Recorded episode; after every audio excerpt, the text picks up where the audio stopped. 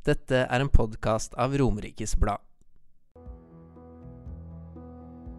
På mange måter eh, Under 22.7 så hadde jeg mer eller mindre lyst til bare at nå skal det være over. Mm. I, på den måten om at nå ønsker du bare å løpe i retning hvor skuddet kommer fra. Mm. bare si 'ta meg', for nå orker jeg ikke mer.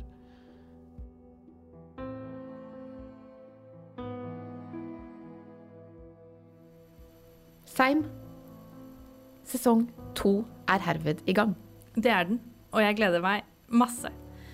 Hver fredag slipper vi nye episoder av Romerikes Blad sin podkast Et øyeblikk med Seim og Seigerud, og vi starter i dag. Det gjør vi, og da tenker jeg vi bare sier lytt.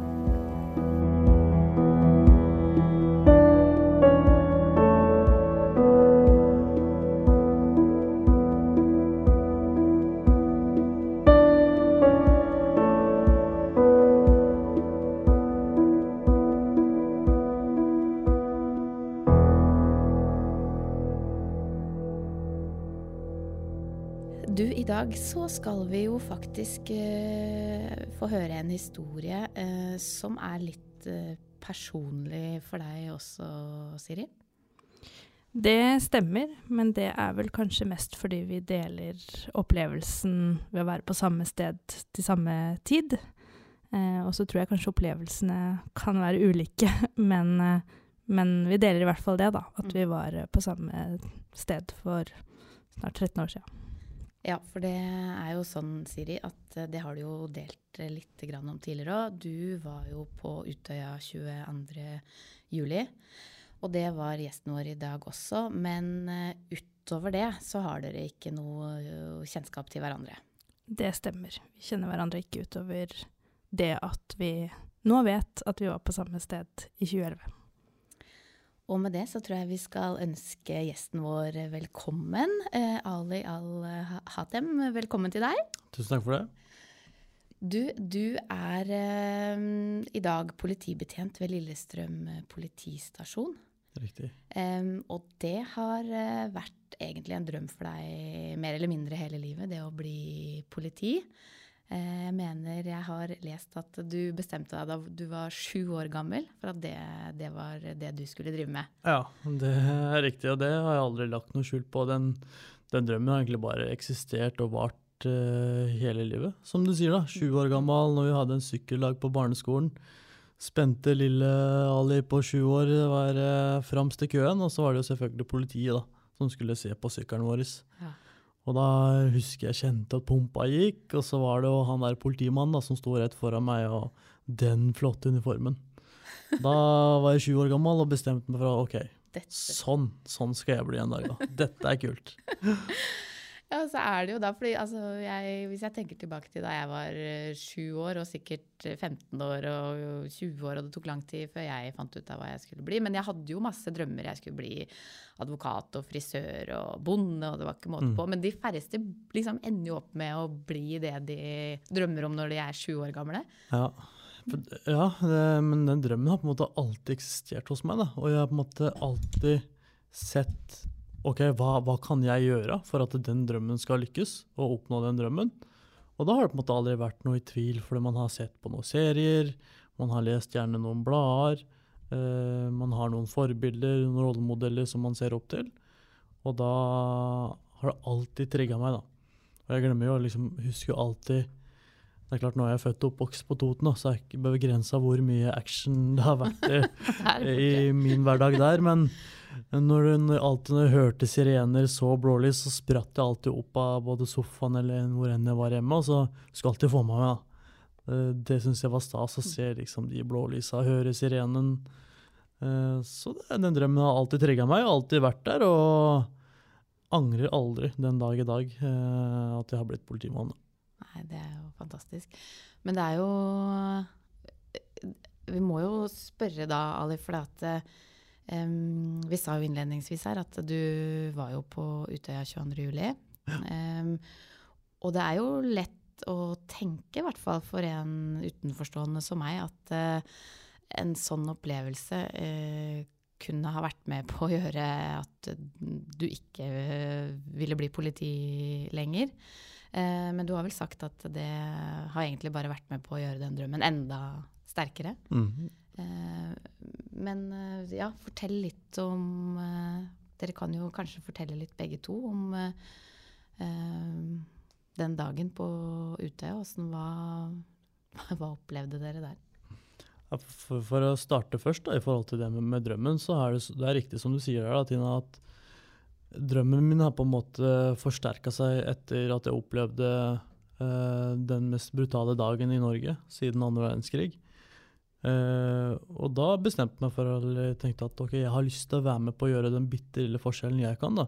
For at kanskje noen andre ikke skal oppleve det jeg og Siri måtte oppleve den dagen. Mm. Uh, fordi det er jo utvilsomt inntrykk, sanser, som sitter igjen hos meg. Kommer alltid til å gjøre resten av livet. Mm. Uh, jeg har bearbeidet det såpass at det på en måte ikke er til en hinder i hverdagen min lenger. Mm. Men jeg vil alltid ha det med meg. altså 22. juli vil alltid være et sår som kommer til å være inni hos meg Mm. for alltid. Mm. Men bearbeidingsprosessen har vært fin i ettertid. Uh, og mange spør jo uh, var det på en måte etter ute at du valgte å bli politi. Nei, det var ikke det, men at det ble forsterka, ja. Mm. Uh, for at jeg rett og slett hadde lyst til å være med og ta del og gjøre den bitte lille forskjell for at ingen skal måtte oppleve det både jeg og Siri opplevde den dagen der. Mm. Ja. Det er fint. Jeg er veldig imponert, da, for at jeg kunne også, med den opplevelsen, tenkt at det kunne vært vanskelig å være politi. Mm. Nettopp fordi man må potensielt gå inn i det som i dag heter PLIVO, da. Mm.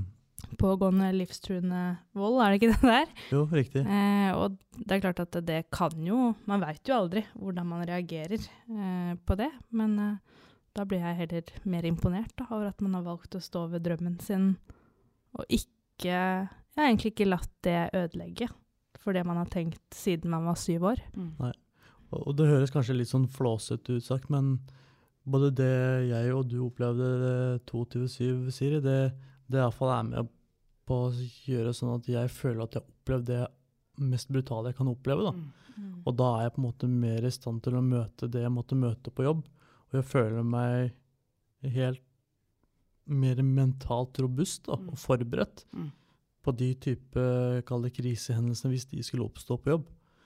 Uh, og det er jeg på, en måte, på mange måter glad for at jeg opplevde som en 17-åring. Uh, for det gjør meg jo til den jeg er i dag på veldig mange måter. Mm.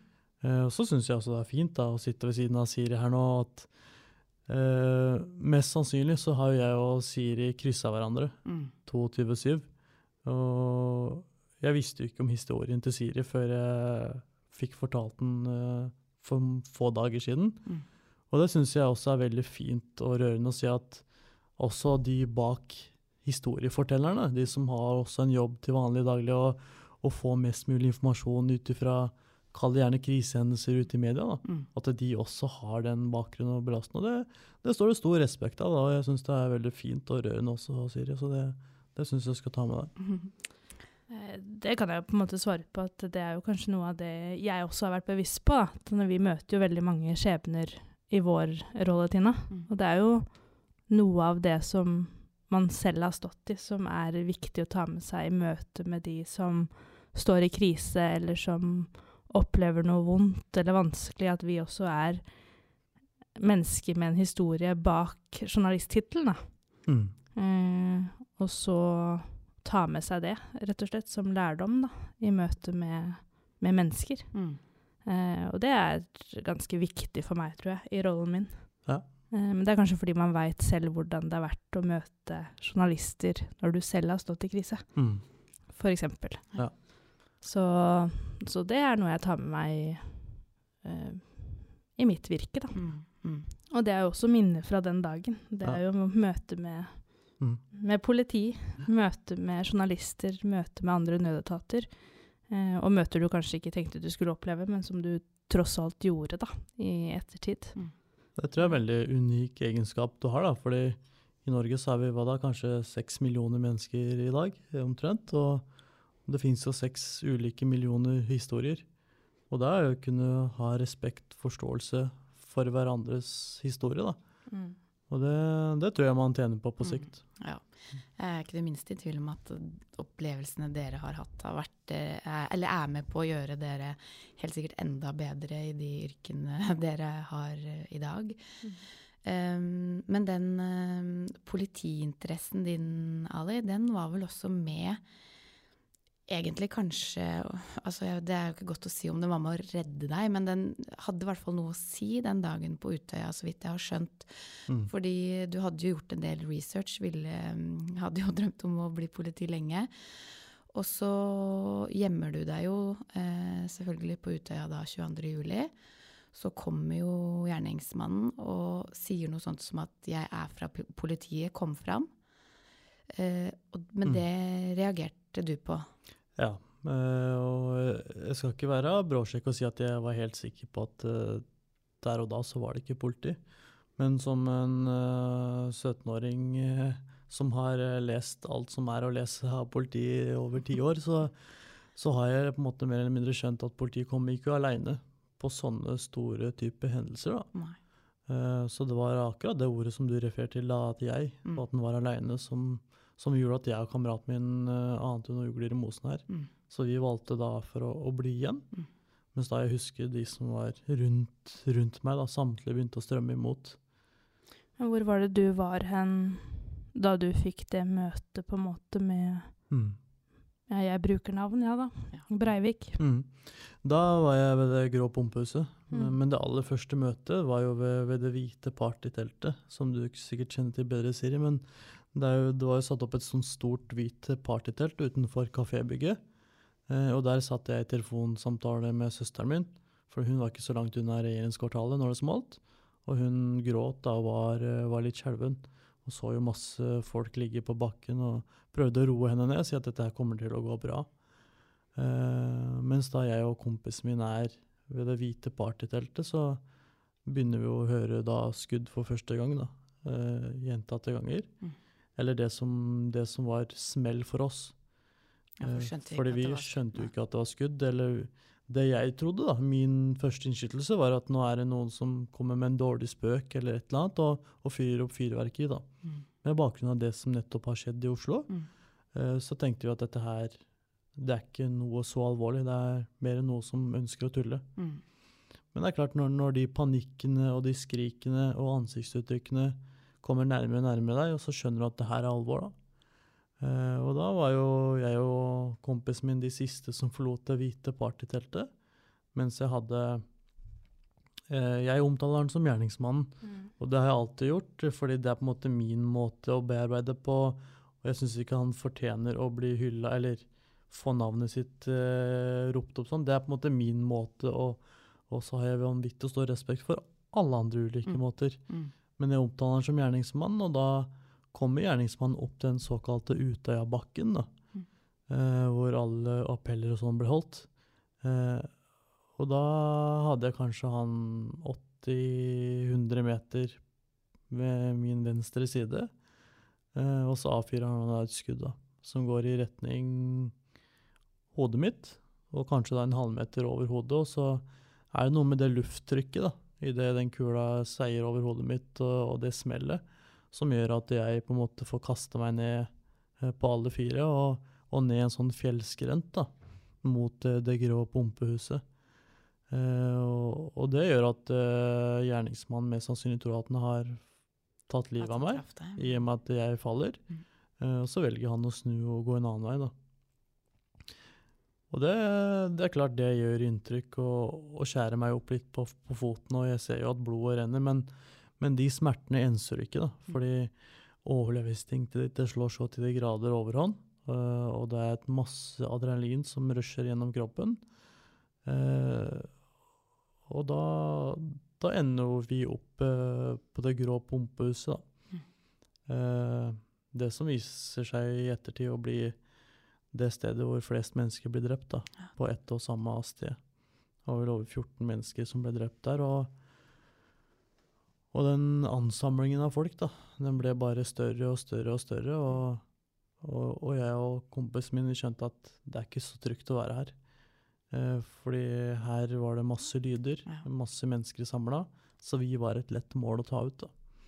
Så vi valgte å gjemme oss lenger opp i skråningen og under noen busker og mellom noen steiner i den såkalte kjærlighetsstien. Mm. Uh, og det er da han, han kommer fram, mens jeg fortsatt er i telefonsamtalen med søstera mi. Ja, da ber han dere om å komme fram. Eh, På det tidspunktet så er jeg også i telefonen med broren min da, og, og tar et siste farvel med han, fordi han er jo mm, mitt største forbilde og min nærmeste person i livet. Så han ringer og sier at jeg elsker deg, og nå kommer jeg til å dø, og ta vare på deg selv. da. Og det, det for, altså for meg som hører på historiene deres, så er det helt sånn Altså, jeg klarer ikke å se for meg, tenke meg, hva som liksom går gjennom hodene deres da. Dere er jo unge på dette tidspunktet. Unge fortsatt. Mm. Men veldig unge på dette tidspunktet. Og jeg veit at du også har sagt til Siri at du på et tidspunkt på Utøya forsonte deg med å skulle dø, da. Nå, nå skal jeg dø. Ja, jeg gjorde det, men uh, da tar det litt tid før jeg gjør det, da. Jeg bare, kan bare fort gå gjennom eh, deler av min historie uh, uten å ta for mye tid på det. Men jeg var jo i kafébygget da du satt i partyteltet. Mm. Uh, og det tar jo litt tid før Breivik kommer inn der. Uh, og jeg tror jeg skjønte i rettssaken eller noe sånt, da politiet kom med sin gjennomgang av hvor, uh, hvor han hadde vært til ulike tidspunkter, at det er snakk om 30 sekunder fra eller til at jeg er inne i det huset til jeg kommer ut. Eh, og på veien så ringer jeg pappa. Han er journalist, eh, han også. Og jeg er vant til at han har masse informasjon. Og han hadde ingenting. og det er liksom den mest håpløse følelsen, egentlig. For at det var liksom Det var ikke noe svar å få, så det var bare å legge på med han. Mm. Eh, og så løper jeg også ned den skrenten. Mm. eh, og rett mot pumpehuset, da. Mm. Men jeg løper ikke ned til pumpehuset. Jeg tar til venstre. Eh, langs kjærlighetsstien, og så kommer jeg til et sted hvor det er veldig langt ned. Og så bare firer vi oss ned der med hjelp av trær. Og så står vi i vannkanten eh, og bråker og alt mulig sånn. eh, og der sender jeg meldinger da, til fem utvalgte personer, altså mamma, søster og tre utvalgte venner i forskjellige vennegjenger, hvor på en måte man sier farvel. Da. Mm. Eh, der er jeg ikke helt forsona med at eh, det er, er trolig det siste. Der er jeg fortsatt litt på sånn uh, fight, Mm. at jeg skal løpe videre. Eh, men så kommer jo da gjerningsmannen da, til pumpehuset Mm. eh, og, og begynner å skyte. Eh, og da er det jo full panikk. Og det er jo en del som løper i vannet, da, i retning oss, som satt der jeg satt. Og så løper jeg videre. Eh, men skjønner jo da at det ikke er så veldig lang tid. Du har ikke lang tid på deg hvis det er i nærheten. Så da må du bare sette deg ned, da. Eh, og da prøver jeg liksom å skjule hodet og hjertet. Eh, og mens jeg sitter og forsøker å gjøre det, før han da kommer og skyter mot oss også, så forsoner jeg meg med at jeg skal dø. Mm. Da lukker jeg øynene og gjør meg klar til å dø, og tenker at det er helt greit. Hva går, altså til dere begge, hva går gjennom hodet på en liksom, når man forsoner seg med den tanken? Og det er jo ikke sånn at man er 100 år og har levd et langt liv. Dere er unge mennesker, har hele livet foran deres. Er på en leir for å ha det gøy, kanskje for første gang eller andre gang eller tredje gang. Hva, hva skjer i hodet? Det som er jo veldig spesielt med den dagen her, er jo øh, Og jeg husker jo dagen ufattelig godt, mye på grunn av regnværet. Uh, Mm. Fordi det regna og regna og regna, slutta aldri å regne. Og det som er så spesielt, er at du sitter der, og du veit at det blir løsna skudd så å si hele tiden. Uh, og det som er så spesielt ute på Utøya, og det kan kanskje du også bekrefte, Siri, er at når du hører skudd på sydspissen av enden, så er det som om det også høres på, på nordspissen. Mm. For det er en utrolig ekko ute Mm. på øya, som gjør at jeg var overbevist om at det var flere gjerningspersoner. Ja. Eh, og det som gjør det så spesielt, er jo at det tar 72 minutter da, før på en måte første skudd blir løsna til man får hjelp. Mm. Eh, og det gjør noe med en, eh, som en 17-åring der og venter på den hjelpa. Det er klart, det var jo 72 veldig lange minutter. Eh, men jeg tror nok heller ikke at jeg var veldig klar over der og da hva man egentlig var vitne til og var med på. Fordi der og da så kommer det i en slags egen modus og boble om at nå skal du gjøre det du kan for å overleve. Eh, Og så er det først i ettertid, når du deltar på begravelser, du ser dokumentarer, du ser omfanget av det på TV, da. Da er det du forstår egentlig hva du har vært med på. Eh, og så er jo det selvfølgelig et utrolig sterkt øyeblikk, da, som også Siri sier, det å kunne ta farvel med noen. Jeg husker liksom at jeg tar farvel med min egen bror, og når jeg hører den desperasjonen i andre enden, eh, det er da du mer eller mindre bestemmer seg for at ok, dette her skal jeg klare. Ja. Jeg skal hjem til familien min, og jeg skal klemme dem igjen. Og dette her skal jeg klare. Jeg skal ikke dø i dag. Dagen min har ikke kommet i dag. Ja. Eh, så har jeg ikke, jeg har ikke sagt det, vært så åpen om det så mange ganger før, men på mange måter eh, Under 22.7 så hadde jeg mer eller mindre lyst til bare at nå skal det være over. Mm. I, på den måten om at nå ønsker du bare å løpe i retning hvor skuddet kommer fra. Og bare si 'ta meg, for nå orker jeg ikke mer'. Eh, og det er brutalt, og det, det kjenner jeg på at det, at de tankene var innom, det, det er sterkt for min egen del. Eh, fordi du går hele tiden og opplever smerte som er ubegripelig. Og så ønsker du bare at den smerten ikke skal vedvare, at nå, nå må den bare ta slutt. Mm. Uh, men ja, det var tøft. Men uh, vi sitter her i dag begge to og kan være stolte over det, det vi får til. Mm. Ja, fy søren. Og akkurat det som du sier. Det, det tar jo lang tid da, før hjelpa kommer, og man liksom kjemper for livet, da, som jo er det dere gjør egentlig i så lang tid. Det er jo ja, helt ubegripelig. Kan jeg skyte inn noe, jeg òg, da, når vi er inne på det. For det, er jo, det tar jo lang tid. Uh, samtidig så er man jo i overlevelsesmodus. Mm. Så jeg tror ikke jeg klarte å fange opp tidsaspektet heller. Um, jeg husker jo i ettertid at jeg syns det virka mye lenger. Og at når det kom 72 minutter, så trodde jeg det var feil. At det var for kort. Mm. Ja, Eh, fordi det føltes ut som en hel evighet, liksom. Og i likhet med Ali så trodde jeg også at det var flere, fordi skuddene runga jo, Mm. liksom. Men til slutt så klarte i hvert fall mitt hode å skjønne at nei, det beveger seg Mm. eh, bort. Jeg hører ekko. Altså du klarte å få inn en sånn litt eh, litt vanlig tanke, om man kan si det sånn. Altså Mm. sånn der du på en måte klarer å legge sammen Mm. eh, ja, det du hører og det du ser og opplever, da. Mm. Mm. Eh, men det er liksom Det tok lang tid. Ja. Og jeg husker at jeg var sikker på at uh, hjelpa kom i helikopteret. Eh, eller først så trodde jeg at det var uh, skytter i lufta.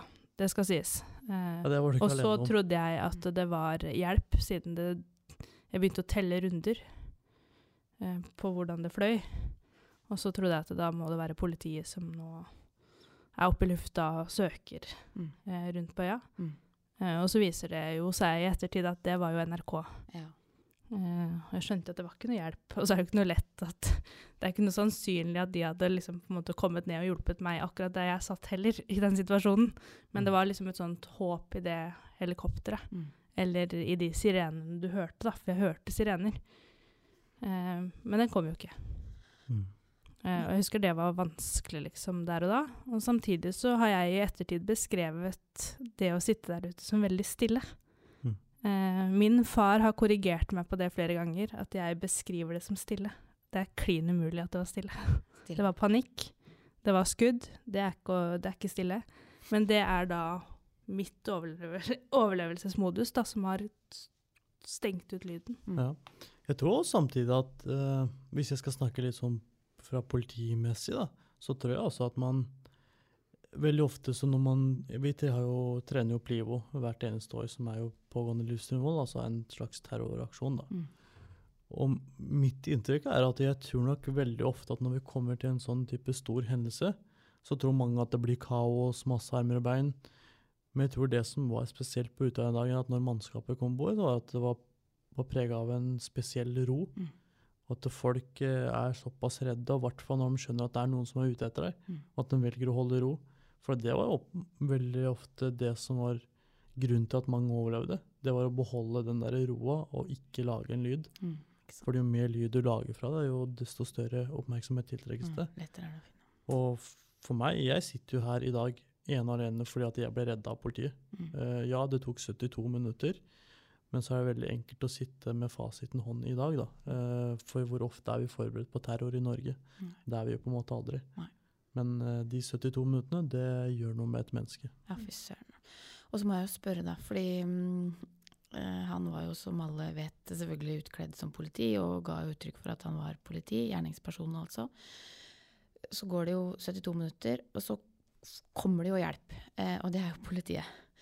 Hvordan, altså hvor, eh, hvor var dere da hjelpa omsider kom, og hva tenker man da når eh, det er politiet som kommer, da, og man vil jo sikkert stole på at det er hjelp, og at man endelig skal få hjelp. Samtidig så må man jo være livredd. Nei, altså jeg hadde jo på en måte ikke noe kontakt med politiet. Eh, I det hele tatt, egentlig. Um, fordi at jeg ble henta ut av båtfolket, altså de frivillige som var på camping eller hytte da i nærheten, og som kjørte ut i båtene sine og plukka opp. Eh, og det står stor respekt uh, av dem, og det er jo bare å takke. Uh, men jeg husker jeg var skeptisk til de òg. Alt de ville var godt, men tryggheten var på en måte revet bort, da, så du visste jo ikke hvem du kunne stole på. Og jeg hadde jo ikke hatt noe Jeg hadde ikke sett noe eh, person utkledd som politi. Jeg hadde ikke sett noe sånt, jeg hadde bare løpt for livet. Så de hadde jo ikke noe formening om hva som var trygt og utrygt. Mm. Eh, den eneste var liksom at de som var på øya, de var på øya, og de som kom i båt, de kom utenfra. Mm. Eh, men jeg kom i hvert fall i land på den måten, da. Mm. Av frivillige som satte s- Ja, gjorde alt for å redde andre, da. Ja, jeg husker det veldig godt. Det er kanskje det sterkeste øyeblikket jeg hadde på Utøya. 22.7. Eh, eh, jeg ringte jo, for å ta det først, da. Jeg ringte jo etter hjelp. Jeg ringte jo 112, og jeg kom igjennom med en gang. Og snakka med da hun som satt på operasjonssentralen aleine den kvelden der. Og fikk beskjed om at hjelpa var på vei, at vi bare skulle beholde roen. Eh, dette skjer jo da Jeg ringer jo før gjerningsmannen kommer til det grå pumpehuset. Og det er jo der alle de største sansene og inntrykkene kommer. fordi da, da husker jeg når første jenta kommer nær gjerningsmannen, så begynner han å plafre én etter én. Og er det én ting jeg ikke unner noen mennesker i hele verden, så er det lyden av et menneske som blir drept. For én ting er hva du ser, øh, lukter osv., men, men lyden den sitter igjen hos meg. Eh, av et menneske som gjør alt det kan for å strebe etter luft. Som tar sine siste åndedrag. Det er inntrykk som sitter igjen ganske dypt hos meg. Eh, og da velger vi å løpe mot det som kalles stranda, da, ved fotballbanen. Eh, og det er der jeg får hjelp, da, omsider. Mm. Og da, det glemmer jeg aldri, for da, da ser jeg fire stykk tungt bevæpna menn. Eh, går veldig likt kledd. Alle hadde våpen, og de så veldig ekte ut. Mm. Eh, de går først opp den der kjærlighetsstien eh, mot eh, hovedbygget, kan du si. Eh, de ser ikke oss, men vi ser dem. Eh, og jeg husker vi vi turte heller ikke å si ifra. Inntil den samme styrken kommer ned igjen etter ca. ti minutter. Okay. Da sier jeg til kameraten min at vi må bare rope på hjelp. Politiet, vil trenger hjelp.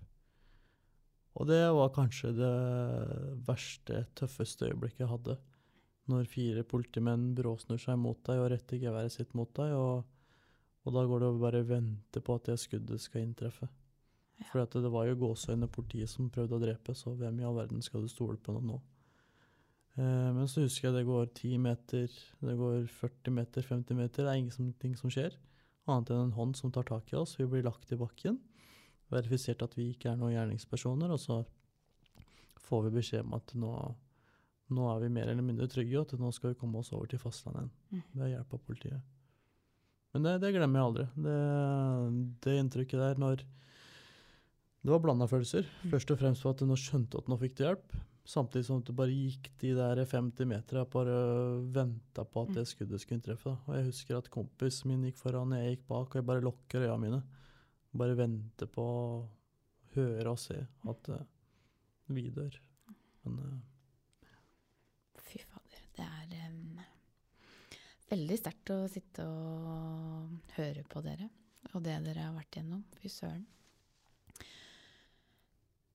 Dere har jo, som dere har sagt flere ganger, dere sitter jo her i dag, og, og du er jo som sagt politibetjent Ali, til tross for alt du har opplevd, eller kanskje på grunn av også. Men um, hvordan Når man har opplevd det som dere har gjort, hvordan um, kommer man seg videre? Hvordan bearbeider man noe sånt?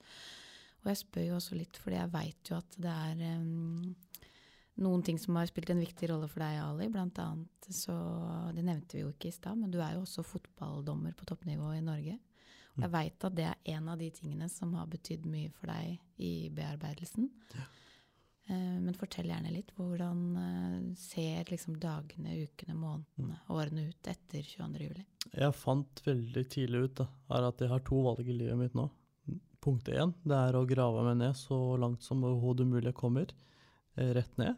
Eller det er to, det er å stå oppreist og si at dette skal jeg klare. Eh, jeg valgte jo da naturligvis det siste. Eh, fordi som du også sier, så tok jeg det som kalles et rekruttdommerkurs i juni i 2011. Og så skulle jeg begynne da å dømme fotball det året der.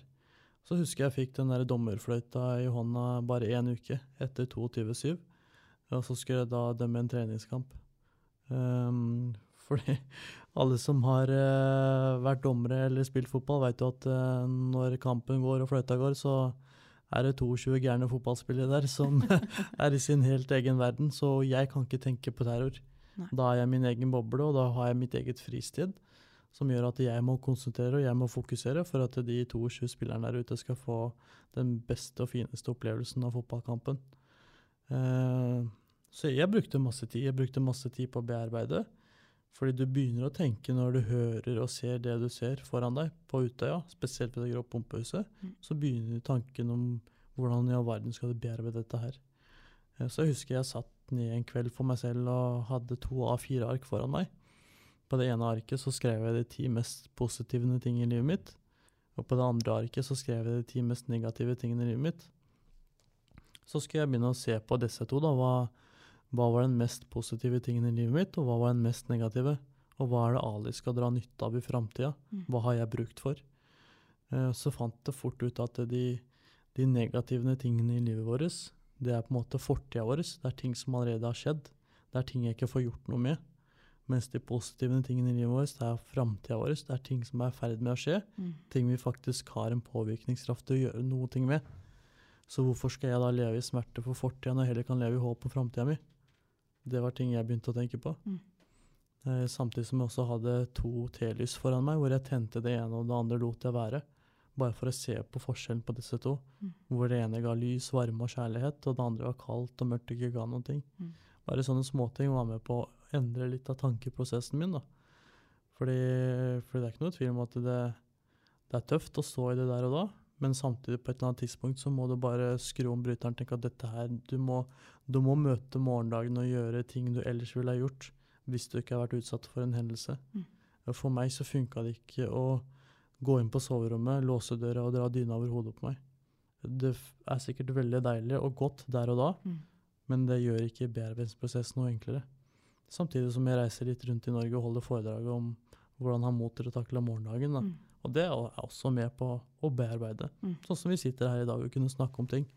For det tror jeg er noe vi mennesker er litt for dårlige på, som vi kan bli enda flinkere på. Det er å kunne snakke om følelser og ting som er vanskelig og tøft. Mm. Eh, og vise litt sårbarhet. Det tror jeg styrker oss. Ja, fy søren. Ja. Men det er imponerende å høre på det du sier nå. Eh, liksom at man, at man klarer å tenke det, og ikke minst klarer å gjennomføre det, og klarer å ja, Veit ikke. Uh, Klarer å være så reflektert ja. og lage de listene. Ja, fy søren. Uh, mm. Når man er 17 år og har uh, opplevd 22. juli. Mm. Mm. Det ble jeg imponert over, faktisk. Jeg kan bare si med en gang, jeg lagde ikke lister. Selv om jeg var listemenneske av natur før, så er det en av de tingene som falt bort. Da. De har jeg henta tilbake igjen nå, men det tok noen år. Mm. men uansett Eller for min del, da, så var det sånn uansett hvor mye eksperter og psykologer og sånn sa 'ta tilbake hverdagen', eh, og det provoserte da veldig, for det føltes jo ikke normalt, og jeg klarte ikke å gå ut av døra de første ukene. eh, så er det jo nettopp det som ble nøkkelen. Det å på en måte fortsatt være med venner, familie, det å begynne på studier. Eh, det å snakke om det. Jeg har vært åpen om det siden dag én. Mm. Jeg tror ikke jeg skjønte det da, men jeg skjønte i ettertid at det har vært alfa og omega. Um, både fordi folk har lurt, Mm. men også fordi at jeg ikke har lagt lokk på noen ting. Mm. Jeg har faktisk tatt eierskap til det som har blitt min historie, da. Mm. Og så har jeg jobba veldig mye med at ja, jeg kan aldri ta bort det faktum at jeg er Utøya-overlevende. Men jeg var veldig opptatt av at det aldri skulle være det jeg var, alene. For jeg var jo på en måte Siri før 22. juli, Mm. er Siri etter 22. juli. Mm. At det at jeg er mer enn merkelappen min, da. Det har jeg vært veldig opptatt av. Mm. Og så det sam samtidig som har vært en annen ting, er det at jeg er enig med Ali at det er ikke Uansett hvor deilig det er å legge seg under dyna Mm. og dra, dra dyna over seg og på en måte bare fornekte det hele, så er det sånn at jeg blei fysisk sliten av det psykiske. Mm. Men det å akseptere det, at man ikke kunne gjøre alt som før, men det å da kanskje legge seg nedpå, da, på sofaen eller i senga, men, men da med en bevisst tanke om at du må akseptere situasjonen, og så må du håndtere hva er det som ble vanskelig nå. Mm. Hva er det som gjør at det er vanskelig akkurat nå å være i en forelesningssal, f.eks.? For Mm. Hva er det som gjør at det er vanskelig med det ene og det andre? Mm. Og så takle det der og da, eller i hvert fall ta en tankeprosess, da. Mm. Og sånn klare å ta tilbake til at i dag er man ikke redd for det. Mm. Nå kan man leve helt, nærmest helt normalt, da. Ja. Det, så, ja, ja, det, nei, men det tror jeg er et veldig godt poeng, og så tror jeg det er viktig å ikke glemme at, at mennesker er veldig ulike. Da. Mm. Og at man skal ha stor respekt for følelser og mennesket. Fordi vi er veldig ulike vesener. Mm. Eh, Noen vil si takk Gud for det, men, men det tror jeg er viktig å ikke glemme. da, At uh, hva som kan være pregende for meg, hva som kan være stressende for meg, er ikke sikkert det er det for noen andre. Og at vi har ulike måter å håndtere dette på. Det jeg vanvittig stor respekt overfor Mm, mennesket. mm. da. Uh, ja. Absolutt. Men det er interessant, for dere sier jo begge to, og dere er jo, deler jo historien deres her i dag, men men dere sier begge to at det å prate om det har vært eh, egentlig viktig for dere begge to. Men jeg husker jo jeg kjente på eh, sånn i ettertid, og egentlig fortsatt, så er jeg nesten litt sånn redd for å eh, spørre, ikke sant, om 22. juli og Ja. fordi at det er så heftig, da. Det er jo helt um, vanvittig det man har, har sett og opplevd der. Um, men, og da er det jo interessant å høre at liksom, det er egentlig fint å prate om, men åssen var det for dere etterpå? Var folk eh, redde for å spørre, redde for å ta det opp? Eh, Det, det håper jeg folk ikke er, da. Og jeg må bare liksom hoppe og legge bort den myten. eh, I hvert fall hva gjelder meg. Og jeg kan ikke svare for eh, de 550 andre ungdommene som var der. Men for min del så har det aldri vært noe, noe sårbart eller noe på så måte. I hvert fall ikke det per dags dato. Og det, jeg tenker at det er viktig å kunne prate om det. Eh, for kanskje litt naivt, men man skulle ønske den forandringen varte. Mm. Som var fra 23. juli og kanskje noen uker etterpå. For vi må fortsatt ikke glemme da, det som skjedde. og Vi må fortsatt snakke om det, for dette kan berøre veldig veldig mange. Eh, så er det viktig at eh, den store hendelsen og historien eh, blir verdsatt og prata på Mm. i norsk historie. mm, For det er helt unikt, det som skjedde på sånn måte. absolutt. Mm. Mm. Jeg kan jo føye til noe, da. At jeg er jo Jeg håper jo heller ikke det at folk er redd for å spørre. Eh, og så tror jeg man er det, for jeg tror det er menneskelig. At man er litt sånn Tråkker jeg feil? Sier jeg noe feil? Jeg kan merke det selv, i an, altså, mot andre i, som har opplevd noe annet. Da. Eh, men jeg husker jeg tidlig sa Eller gjorde meg opp en refleksjon på at eh, på nettopp det, da. At jeg har ofte kanskje vært redd for å stille de spørsmålene, men sannheten er jo at det bare er å stille de. Mm. Det er ikke noe spørsmål som er feil, for det verste som har skjedd, har jo skjedd. Mm. Det å spørre, altså stille et spørsmål, da, det er ikke farlig. Mm. Og så tenker jeg også det, og det har jeg hatt veldig respekt for, at 22. juli var et nasjonalt traume, like mye som det var individuelle traumer og tap da, av menneskeliv. Og det er klart at en hel nasjon lurer. Og hvis jeg med min historie kan én gi noen svar til de som er rundt meg, to kan bidra til at det ikke blir glemt, ja, så er jeg villig til å snakke om det hele tiden. Mm. Eh, og litt fordi, og det har vært viktig for meg i ettertid også, jeg har holdt, også holdt foredrag, da, og studert terrorisme, blant annet. Um, og det er jo for å gi meg svar, men det er jo også for at at man vil at ingen skal oppleve det samme, Mm. og at samfunnet faktisk lærer. Mm. Og at de kreftene som på en måte den ja, hva skal jeg si, den tankerekka da, som gjerningspersonen hadde, og som andre etter han har hatt, ikke skal få fortsette, på en måte. Mm. Um, og det tenker jeg at eh, det er viktig, spesielt med tanke på alle de til sammen 77 da, Mm. som mista livet den dagen. Jeg vet jo, Hvis jeg skal liksom dra litt sånn sammenligner til, til jobben jeg har til vanlig, da, så er det jo Årlig så er det i overkant av 600 personer som tar sitt eget liv, Mm. og desto flere som prøver. Uh, og da husker jeg liksom at uh, de møtene med, med de menneskene som ønsker å ta sitt eget liv, så må man være litt direkte. Man må stille de kanskje spørsmål da, Mm. som gjør det litt ubehagelig for meg som menneske, uh, som tilsynelatende har det egentlig ganske greit og måtte stille de vanskelige spørsmålene. Så ja, jeg har full forståelse for at du, og kanskje andre, da, syns det er litt krevende vanskelig å stille noen spørsmål som du ikke helt veit åssen andre har det. Men jeg tror det er ufattelig viktig sånn at andre kan sette ord på ting. da. Mm. For da tvinger du fram kanskje at noen må si noen ting. Og så er det viktig å, å ha en forståelse for hva folk har vært igjennom. Eh, hvis jeg er borti en kritisk hendelse på jobb hvor en far har mista ungen sin, så kan ikke jeg si at jeg veit åssen du har det, før jeg har mista et barn sjøl. Mm. Man må liksom sette seg litt i andres følelser og tanker og vite at det de har vært igjennom, kan kanskje være en, en stor krise i deres liv. Mm. Jeg må spørre deg om det eh, til slutt, eh, Ali. Um, fordi det er jo som du nevnte i stad, du er jo i situasjoner med plivo, da. Pågående livstruende vold. Eller kan havne i det som politibetjent, selvfølgelig.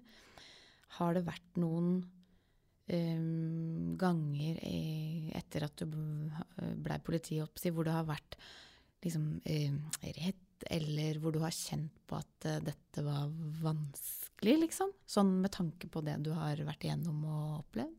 Mm. Veldig fascinerende at du stiller akkurat det spørsmålet, for det, det hadde vi en god og lang diskusjon på jobb her forrige uke med kollegaer rundt. Eh, men jeg vil ikke si at jeg har vært redd på jobb. Eh, det har jeg ikke.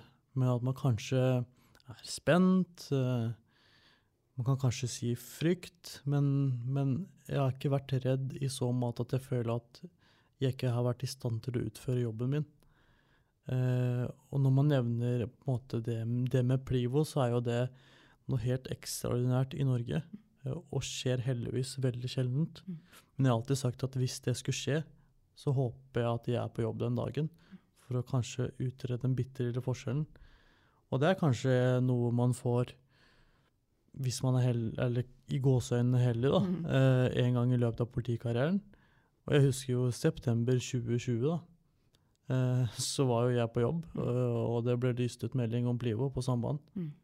Og jeg trodde ikke jeg skulle få det her så tidlig i min karriere, men da, da var det en som hadde knivstikket og drept én og skada flere i, Sarps- i Sarpsborg. Ja. Og siden det er en del av Øst politidistrikt, så ble vi sendt herfra, da, fra Lillestrøm. Og det er klart det setter noen prosesser og tanker i, i meg, da. Mm. Ja, det må jo gjøre det. Ja, og jeg husker jeg forteller kollegaen min at nå skal, du, nå skal du kjøre den bilen så fort den klarer til Sarpsborg, fordi vi, vi skal inn og prøve å gjøre en innsats. Men da hadde heldigvis det roa seg når vi kom fra. Mm, mm.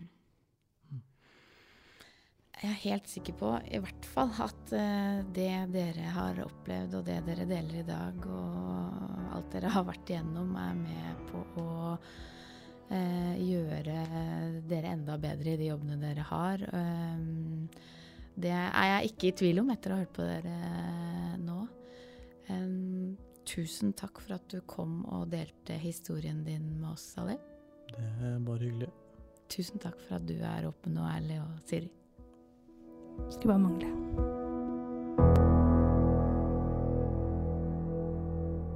Du har nå hørt en podkast av Romerikes Blad. Ansvarlig redaktør er Rune Bernhus.